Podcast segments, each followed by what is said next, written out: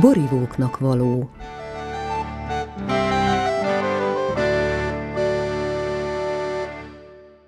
Megérkeztünk a Szentgyörgyhegyre, Szászi Endréig birtokára. Itt állunk a pince előtt, és hogyha az ember itt körbenéz, akkor mindenhol természetesen szőlőt lát. Mögötte pedig a Badacsonyt, aztán a Balatont, Szigligetet és megint a Balatont, utána pedig a lesencei területeket. Először, amikor itt jártam Endréjéknél, akkor még csak tanultam a borászatot, és Endre megengedte, hogy pár napot eltöltsek náluk, úgyhogy voltam a szőlőbe, dolgoztam azokkal az asszonyokkal, akik rengeteget segítenek itt a szőlőbe, utána pedig a pincében is palackoztunk. De most úgy alakult, hogy megkértem Endréiket, hogy meséljenek egy kicsit. Úgyhogy Endrével is, ifjabb Szászi Endrével beszélgetek most az elmúlt évtizedekről. Endre, azt el tudnánk mesélni, hogy hogy kezdődött neked ez az egész? Én Szigligeten nőttem fel, innen 5 kilométerre, és minden, ami jó, ott volt Balaton, foci, vár, horgászat, szőlő csak annyi volt, ami egy konyhakert a házunk előtt, ilyen 350 tőke, abból készült egy bor, egy szüret, egy préselés, de semmi úgymond nagy szakmaiság belőle nem kereskedelmi tétel, nem saját fogyasztásra. Úgyhogy édesapám volt borász, és ő egy nagy pincében, az én tudatom szerint, mint pincemester dolgozott, ez a pincegazdaságnak volt a pincéjem, és 14 éves korban az embernek szakma választás előtt merre menjen. És azt mondták a szüleim, hogy hát fiam, apád borász, ez egy jó szakma, itt vagyunk egy borvidéken, Budafokon tanítják ezt a szakmát, van egy jó iskola, apád ott végzett, menjünk, jelentkezzünk oda, föludaztunk vonattal, megnéztük, sőt, már lehet, hogy volt egy Skodánk is, az a fölmentünk, megnéztük, szép volt, patinás volt az épület, vidám diákok ott köppenybe, ugye akkor mindenki köppenybe járt. Megtörtént a beiratkozás, és akkor az ember szeptember 1-én elment Budafokra, és ott elkezdte a négy éves tanulmányait. És akkor az édesapád már borral foglalkozott korábbra, visszamenőleg mit lehet tudni? Ő, a, ő is ugyanitt végzett, ő Székesfehérváron pontosan Csősz mellett született, de Székesfehérre költöztek be a tészesítés után. És ott végzett ebbe az iskolában, amikor ő végzett, akkor jött pont az államosítás, és ez, hogy borkereskedés, nagykereskedés megszűnt, nem lehetett elhelyezkedni ebben a területen. Maradtak az állami pincegazdaságok, meg fegykösségszövetkezetek, és nem akart Fehérváron elhelyezkedni, mert ugye ott nagy élet nem volt, hanem lejött Badacsonyba, egész pontosan Balatonfüreden volt a központja ennek a pincegazdaságnak, és először Füreden, mint felvásárló borász, Pannonia motorral ment, Csopak, ez a Káli medence, vagy tehát a, a Füred környéke. Én csak beszélésekből tudom, mert ugye halt rákban, 17 éves koromban, és, és nagyon nem mentünk bele, hogy hogy is volt ez a korszak, mint felnőtt fejlember jobban kíváncsi lenne rá. És akkor vége lett az iskolának, a budapesti budafoki létnek, Igen. és visszaköltöztél. Igen, vége lett, és ott a sajnos ez a nagy törés az, hogy én 17 éves koromban nyáron arra ébredtem, hogy hát arra kellett hazajönnöm, hogy apu meghalt rákban, ezt fél év alatt elvitte, és, és hát 17 éves fejezetben nem tudta felmérni, hogy mekkora veszteség azon túl, hogy az x meghal, de mint szakmai tudás, meg elhivatottság, meg mi egymás, meg hogy mit hoz a jövő, mert nem volt semmi. Volt egy elképzelés, hogy ösztöndíjas voltam a pincegazdaságnál, ha majd végzek, elkezdem ott is a munkákat, aztán majd dolgozok, mint pincemunkás. Ha egyetemre készültem, de a kémia nem volt erősségem, így aztán a technikumot végeztem el két év szakmai munka után levelezőn, úgyhogy borász technikusként végeztem, és, és szakmailag tíz évet eltöltöttem egy állami cégben, mint pincemunkásból lett palackozó művezető, hogy a ranglétrát végigjárva, azt vettem észre, hogy, hogy itt fejlődés nincs üzletileg se, szakmailag se, és mert Balatonparton éltünk, a borkereskedés, ami apunak is a szíve csücske volt, az elindult, mert palackos borokat elkezdtünk árulni, kis vinotékát hoztam létre. És akkor mikor jött az első hektár? Az már bizony családalapítással jött, mert megismertem a feleségemet, akkor nem volt kérdés, hogy Szigligeten szeretnénk lakni. A Tapolcai volt, a nagybátyja az én iskolaigazgatóm volt, mint kiderült, és elkezdtünk Szigligeten keresni telket. Néztünk egyet, néztünk kettőt, egyben bele is szerettünk, hogy ez egy olyan telek, hogy oda föl tudnánk épülni a hegynek a tetejére, akkor olyan panorámák lenne, hogy ez mindent víz. Nemzeti parki terület, a Nemzeti Park azt mondta, hogy csak az út mellé lehet építkezni, fölülre nem lehet. Itt mindenki ott megy a strandon, egy zajos, koszos idézőjelben nulla kilátású teleket, azt mondjuk nem veszük meg, és akkor rá kell többennünk arra, hogy Szigligeten nincs az a telek, hogy mi anyagilag utolérnénk, vagy nekünk megfelelne, és Szentgyörgyhegyen találtunk egy olyan fél, négy hektárt, amikor, hogy megálltunk a domboldalon visszanéztem, úristen, mondom, egész sziget előttem van, mint most is az ember lenéz a Szentgyörgyhegyen a teraszunkról, lakatlan félszigetként, mert nem látsz más, csak három dombot, Várhegyet és Balaton meg Badacsonyt, és akkor kellett lépnünk egy olyat, hogy 4000 hektárt megvettünk, gondoltuk a mellette lévő 1,2 hektár nyakigérő gazdalésztől is biztos eladó, mert hát ez a kárpotlás után volt, mindenki visszakárpoltolt, csak éppen szöld nem akart művelni, és így is lett, és megszületett az első két hektár, és 99-ben ezt újra telepítettük, és felépítettük a családi házat. I was born one morning when the sun didn't shine. I picked up my shovel and I walked to the mine. I loaded 16 tons of number nine coal, and the straw boss said, Well, to bless my soul, you load 16 tons. What do you get? Another day older and deeper in debt. St. Peter, don't you call me, cause I can't go. I owe my soul to the company store. Ez alatt a 20 év alatt hányszor mondtad azt, hogy ez az a mennyiség és nagyság, ami most elég lesz, és aztán hányszor léptél túl rajta?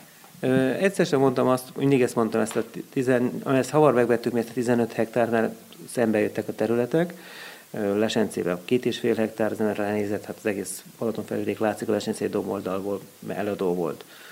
Szentgyörgyhegyeit magunk körül mindig, amit tudtunk, megvettük, mert hát itt van a birtok, következő adó, következő adó, hát ez nem lehetett nem megvenni, mert öngyilkosság, hogyha az ember saját szomszédi teret nem veszi meg. Szigligeten meg egy-két hektáros majdnem egyben, csak egy kis csikok, jött a kabócás, hát a következő két hektáros, olyan kitettség, olyan terület, hogy Szigligeten úgy nőttem fel, hogy nem volt saját szőlőnk, és most arra, pedig négy hektár szőlőnek vagyunk a boldog tulajdonosai a feleségemmel, meg a gyerekeimmel, és sok szigligeti volt gyerekkori osztálytársam, akinek meg volt szőlőjük, présházuk, semmiük nincs, mindent eladtak, és legtöbbjük már nem is él ott Szigligeten, mert külföldön van, itt van, ott van, amott van, és ami családi érték volt, azt eladták, pénzét tették, és, és nem ők élvezik annak a szépségét, meg a jóságát.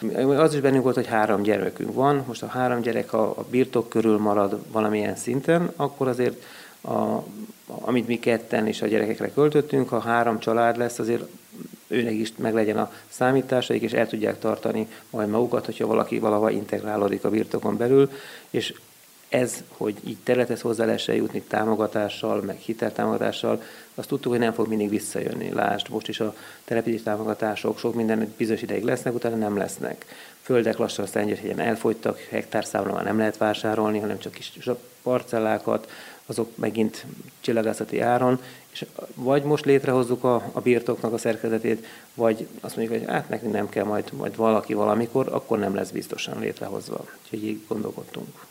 Na és akkor a három gyerek közül itt van uh, velünk a legnagyobb is. Ifja Bendre, uh, te ezekre a kezdeti időszakokra, amiről egyébként sok borász mesél, hogy, um, hogy hogy élte meg a, a, a fiatal korát így a szőlőbe, meg milyen feladatokat adtak neki, azt, azt te hogy élted meg? A kezdetek kezdetétől emlékszem a birtok létezésére, szóval én már itt voltam egy olyan három éves körüli korban, amikor mi fölköltöztünk a Szentgyörgyhegyre, és elkezdtük telepíteni az első pár hektárt a szőlő köré, és akkor az elején az ilyen nagyon izgalmas dolog volt. Ugye voltak ilyen sztorik, hogy, hogy a kifúrt lyuppal beleesett a nyuszi család, és akkor ez egy három évesen, ez egy abszolút megmaradó emlék, ők voltanak a nyuszikben. Aztán, aztán amikor már az első borok jöttek, akkor is emlékszem az ilyen, ilyen kezdeti feladataimra, hogy gyakorlatilag én voltam a, aki megfogta a cső végét, amikor fejtettünk A-ból B-be valamit, és akkor figyeltem rá, meg szóltam, hogy mikor állítsák le. Aztán, aztán amikor úgy elkezdtem kamaszodni, a hegynek az nagyon szép és jó, de nem, nem nagyon vannak szomszédok, saját magunknak vagyunk a szomszédai, és, és így fiatalság sincsen nagyon. Úgyhogy, úgyhogy nekem annak idején a, az ilyen kamaszkoromban ezek az ilyen nagy bulikat, azok ez egy ilyen kisebb hadművelet volt megtervezni, hogy kinél fogok benne rúgni tapolcán, hogyan. Ez már középiskola alatt volt, ugye? 14 éves voltam, amikor megtartottam az első porkostolomat, és bár az ilyen nagy fizikai munkák nem mindig voltak annyira, hogy is mondjam, kedvemre, viszont a borkostolónál ott nagyon gyorsan kiderült, hogy itt, itt, itt otthonra találtam. Egy nagyon kedves párnak tartottam a borkostolót, és később kiderült róluk, hogy ők amúgy borbloggerek voltak, és el voltak ájulva, hogy egy ilyen kis mini teenager cuki faktor tartotta nekik a, a, a borkostolót. Hogyha jól tudom, itt az étterem előtt, illetve a ház mellett van egy 365 tőkéből álló kis ültetvény, ami valahol a te gondjaidra van bízva.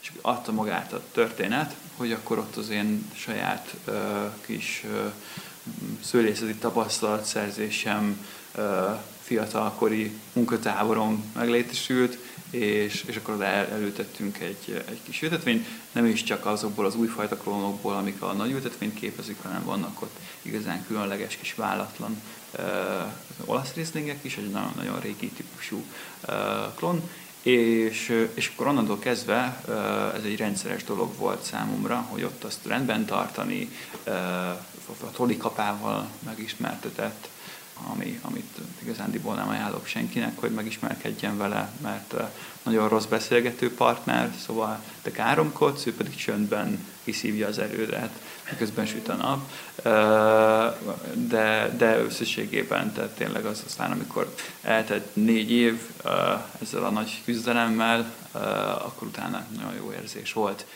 Nekem életemben nem jutott eszembe, hogy borász legyek, amíg meg nem vettük a, a szőlőnket, így a 20-as éveim közepéig. Te viszont egy olyan családi kultúrában nőttél föl, ahol mindig volt szőlő, és mindig benne volt a levegőben az, hogy te borász leszel. Közben mondjuk eszedbe jutottak-e olyan dolgok, hogy mi lenne az, ami még érdekelne, ami, amivel még szívesen foglalkoznál, akár így középiskola végén vagy egyetem elején? Igen, ez, ez, egy, ez egy meghatározó gondolatmenetem volt. Már ugye a egyet, egyetemista első évem után igazándiból, és is rájöttem, hogy hát ugye egyrészt, ami nagyon szeretek, az az ilyen a showbiznisznek az a hajtája, amikor az ember kiáll egy csapat elé, és, és sztorikat mesél, és a többi, és az ugye Borkostóban nagyon szépen kielhető, de ugyanakkor, ami még nagyon jó dolog lenne, ugyanígy az tényleg egy jó kis stand Szóval ez egy, egy rész, másrészt pedig nagyon szeretek csak úgy egyáltalán sztorinak a szerkezetét összerakni, szóval így az írás is előjött. Hát erre mindig azt szoktam mondani édesapám, hogy szerencsére mind a kettőt jól lehet csinálni borászkodás közben. Szerintem, hogyha az ember napszámosokkal egy három-négy órát együtt tölt, és együtt dolgozik, akkor egy olyan 6-8 stand-up anyagot össze tud szedni. Vagy több de tényleg, és plusz egyetemi sztorik, plusz azért, hát nekünk is van egy ilyen, nem, nem egy szokásos családdinamikánk, szoktam is mondani, hogy, hogy hát ugye a, a családom is egyéb állatfajtákból kiindulva, ami nekünk a családom is egyéb szőlőfajták, azért az egy egészen egyszerűen megírható uh, mű lenne.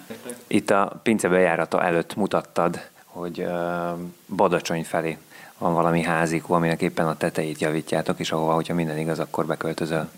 Hát igen, most ez úgy néz ki, nagyon érdekes sztoria van a házikónak, hogy az egyszer édesanyámik tulajdonában állt, aztán ők, a papáik eladták, és akkor lakott ott XY, és őtőle mi visszavettük, és aztán hat évig nagyjából nem csináltunk vele semmit, és akkor de, de apa már egy jó ideje győzködött, hogy milyen jó is lenne, hogyha én ezt felújítanám, meg minden. És akkor végül most, most akkor mondta, hogy akkor ő kicsit mögé is áll, szakemberekkel kisegítsük, újítsuk föl, és akkor ott lenne egy nagyon jó ilyen kis barak az én vad egyetemista munkaerőimnek, amiket én néha ide letoborzok, és saját magamnak is. És akkor most már ez annyira olyan szinten megvalósult, hogy először kiszabadítottuk a gazból, és most igen, a tetejét azt, azt megcsináltuk. Ó, az erő és az ész, hogy majd ügyes és bölcs legyél. Tiéd lehet elég néhány év,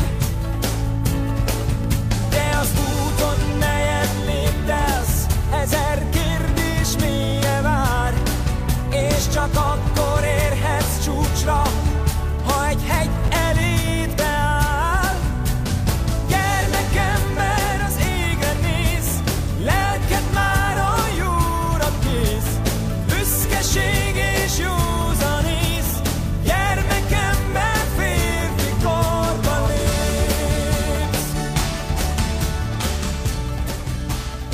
Szászi Endrével és ifjabb Szászi Endrével beszélgetek a Szentgyörgyegy lábánál, a birtokuk pincéjében. Mesélnek nekem a birtok kialakulásáról, a szőlőültetvényekről, a család múltjáról és egy újabb generáció integrációjáról. A műsor közben elhangzó zenéket pedig ők maguk választották.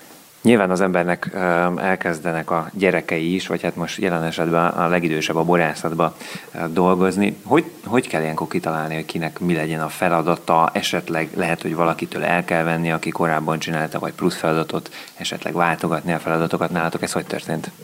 Nálunk ez úgy történt, hogy ugye mindenki kérdezte, borkostolóklás, borvevők, hogy és utódlás, és kiviszi tovább a birtokot, mert ugye mondtuk ekkora, akkor hát mondom, elsőszülött fiú, ifjabb száz Endre, életem legnehezebb meccése, hogy a szakmánál maradjunk, hogy borász legyen belőle. És mint, mint tudjuk, a meccés az úgy néz ki, hogy vannak művelési módok, és azokat lehet váltogatni, a termés az nem mindig lesz egyöntetű.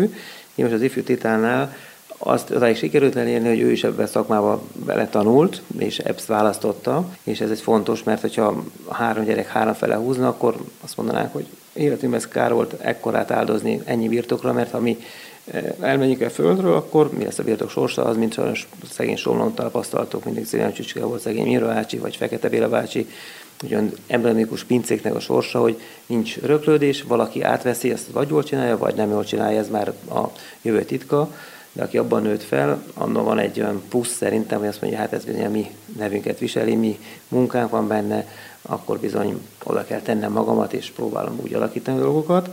És ez, ez, ez szerintem a világban a családi generációs pincéknek, láss. Franciaország, Olaszország, Németország, ahol Ausztráliában is van a hat, generációs pince, akik szép lassan vitték, és biztos, hogy inogtak a lécek ott is, hogy kiviszi tovább a generációknál, valahogy mindig megtalálták.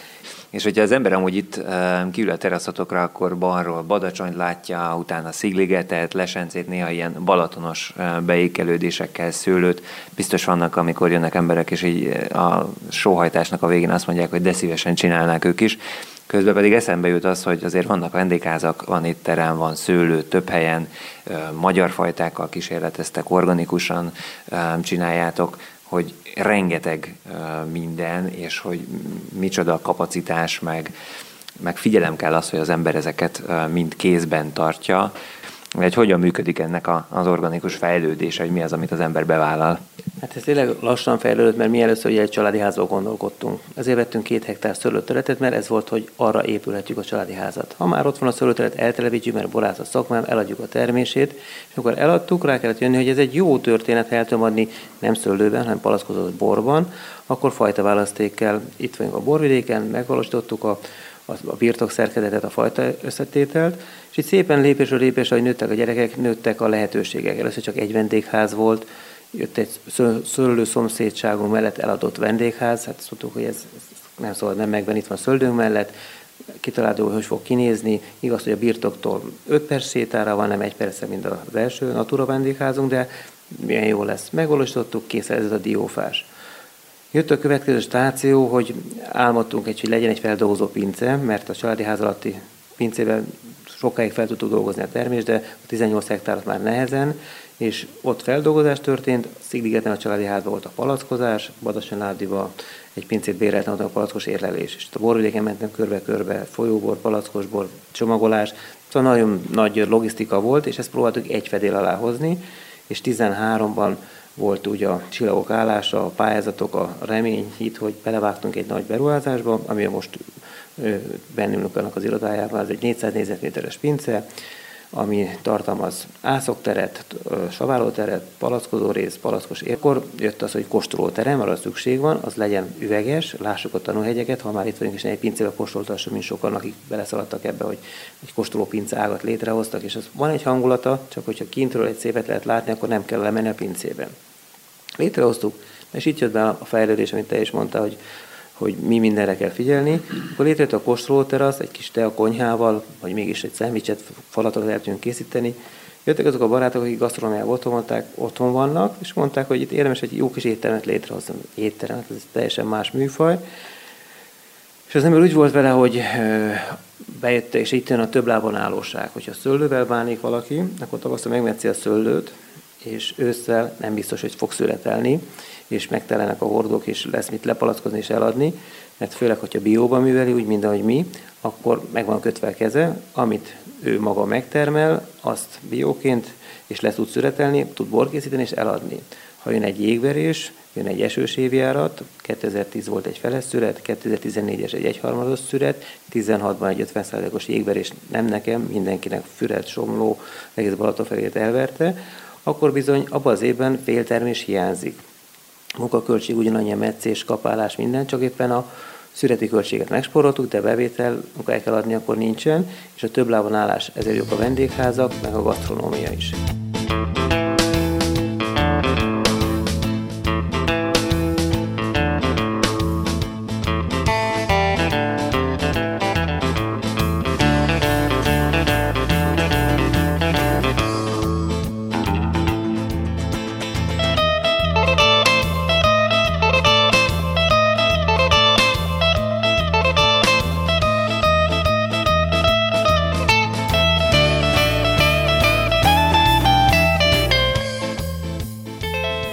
Kevésszer látja az ember azt, hogy ilyen konstans módon um, a címkék ugyanazok, és a szászi pincészetnek már um, hosszú évek óta egy kis kereszt van, um, és mögötte a hegy a címkéjén. Erről picit tudsz mondani?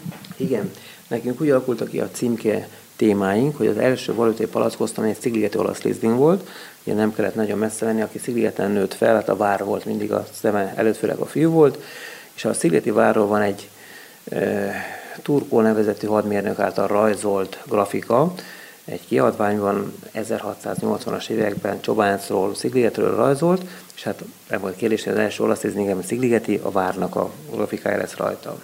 Így kialakult a grafikus címke témánk. A feleségem nagyon szeret rajzolni, és egy borítékra telefonálás közben a Szentgyörgyhegyet, egy keresztet szépen lerajzolt, és meglátta ezt a borítékot, Mondom, neki, hát ez lesz a Szent egy olasz íznénk címketémek. Hát azt mondja, golyóstollal rajzoltam, de mondom, tökéletes.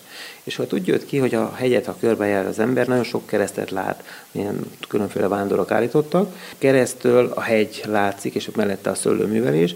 Azt mondtam, hogy ez, aki a szőlőhegyet járva, Szennyesét Láves szembe találkozik, és így jött ki a Szennyesé Lasszizing címkénk, egy 20 éves témáról van szó, és így jelent meg a, a kereszt a, mind a hegyen lévő emblematikus tájalkotó a szőlővel, meg hegyel együtt, és ez, ez lett a címketémánk, és utána ezt reprodukáltuk még egy finomabb rajzol a Pinogrin, az a szürke baráton is, és azt szép lassan ezen a vonalon elindulva az összes címkénknek megvan, hogy miért került rá a búbos bank, az otonelmuskotára, a vándorsólyom, a repülő, nászrepülőpár, a pinonoárra, a csókaszőlőre nem volt kérdés, hogy melyik madarat fogjuk rajzolni, a gyöngyözőnél, hát a gyöngytyúk lett a címke témánk, úgyhogy ilyen szép lassan ez a grafikus vonulat kialakult, és sokáig én úgy voltam vele, hogy büszke is voltam rá, tetszett is, és jó volt, és autodenta módon az embernek ezek vagyunk mi. Amit kitaláltunk magunknak, ami nekünk tetszett, még szerettük, az valahogy a, az az lelkületű emberek, akik a mi boronkat isszák és szeretik, az teli találat volt. És nem várták tőlünk senki hogy most négy színkorol legyen, egy look legyen rajta, vagy QR kód legyen rajta, vagy valami olyan, olyan plusz tegyünk rá, ami mindig jöttek ezek a hullámok. De amit kitaláltunk és csináltunk, ugye a bioművelés is, én már 20 éve művek így a szőlőt, azok most arra idézve trendik lettek, meg, meg, meg követendő példák lettek, meg jó dolgok lettek, de mi ezt beszerettünk bele, ezt fogadtuk el, és ezt próbáltuk gyerekeknek is átadni, sőt itt a Szentgyörgyhegyen most már körülöttünk lévő birtokok is erre álltak átlást. A Bence birtok, már biodinamikus, a Gilvesi pincészet bio, a Török Csaba két hektárral, mi művelik neki bérve a gépi munkát, biónként műveli, igaz, hogy nem minősítette magát, úgyhogy a, mi jóságunk, amit kialakult Szentgyörgyhegyen 8 hektárra, most 35 hektárra körbevesz minket, és ez jó érzés, mert, mert elfogadták a szomszéd birtokok is, és így az ember jobban érzi magát a bőrében. Nekem a Balaton, a Riviera, napozni ott szeretek a homokon, nekem csak jó Szászi Endrével és fiával, ifjabb Szászi Endrével beszélgettem Szentgyörgyhegyi pincéjükben. Remélem mostanra már önöknek is megjött a kedvük, hogy igyanak valami különlegesebbet, egy kéknyelűt vagy akár egy rózsakőt. Vagy lelátogassanak erre a csodálatos vulkára. A zenei szerkesztő Csénagy Tamás nevében is köszönöm figyelmüket, Tomcsány Árpádot hallották.